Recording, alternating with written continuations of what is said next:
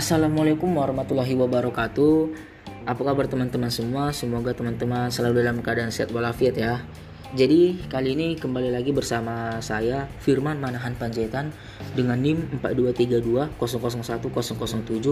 kelas RPA pagi mahasiswa Politeknik Negeri Batam akan menjelaskan sedikit mengenai mengapa lima pendekatan strategi integrasi nasional berpengaruh terhadap integrasi nasional. Nah, kita langsung masuk ke pembahasan yang pertama, yaitu adanya ancaman dari luar. Adanya ancaman dari luar dapat menciptakan integrasi masyarakat. Masyarakat akan bersatu meskipun berbeda suku, agama, dan ras ketika menghadapi musuh bersama.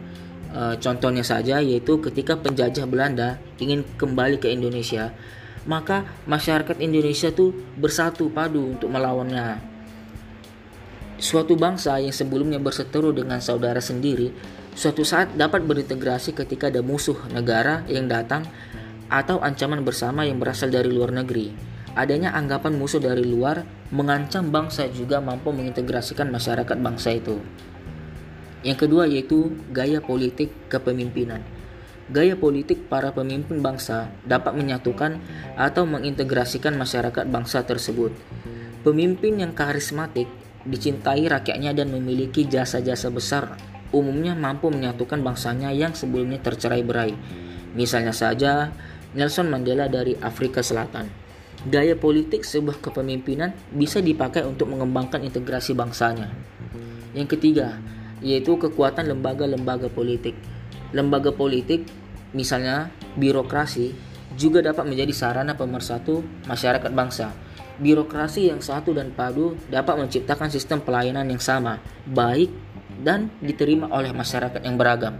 Pada akhirnya, masyarakat bersatu dalam satu sistem pelayanan. Yang keempat yaitu ideologi nasional.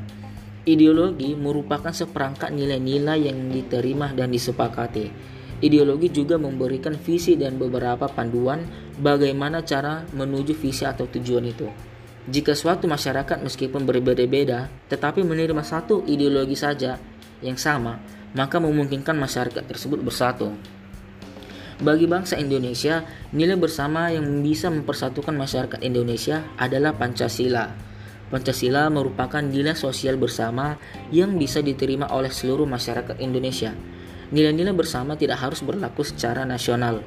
Di beberapa daerah di Indonesia terdapat nilai-nilai bersama dengan nilai itu, kelompok-kelompok masyarakat di daerah itu bersedia bersatu. Contohnya yaitu Pelagadong sebagai nilai bersama yang dijunjung, yang dijunjung oleh masyarakat Maluku. Dan yang terakhir yaitu kesempatan pembangunan ekonomi. Jika pembangunan ekonomi berhasil dan menciptakan keadilan, maka masyarakat bangsa tersebut bisa menerima sebagai satu kesatuan. Namun, jika ekonomi menghasilkan ketidakadilan, maka muncul kesenjangan atau ketimpangan. Orang-orang yang dirugikan dan miskin sulit untuk mau bersatu atau merasa satu bangsa dengan mereka yang diuntungkan serta yang mendapatkan kekayaan secara adil, secara tidak adil. Banyak kasus karena ketidakadilan. Maka sebuah masyarakat ingin memisahkan diri dari bangsa yang bersangkutan. Dengan pembangunan ekonomi yang merata, maka hubungan dan integrasi antar masyarakat akan semakin mudah dicapai. Nah, teman, teman semua mungkin sekian dari pembahasan yang Firman sampaikan pada hari ini. Lebih dan kurangnya juga Firman mohon maaf. Firman akhiri. Wassalamualaikum warahmatullahi wabarakatuh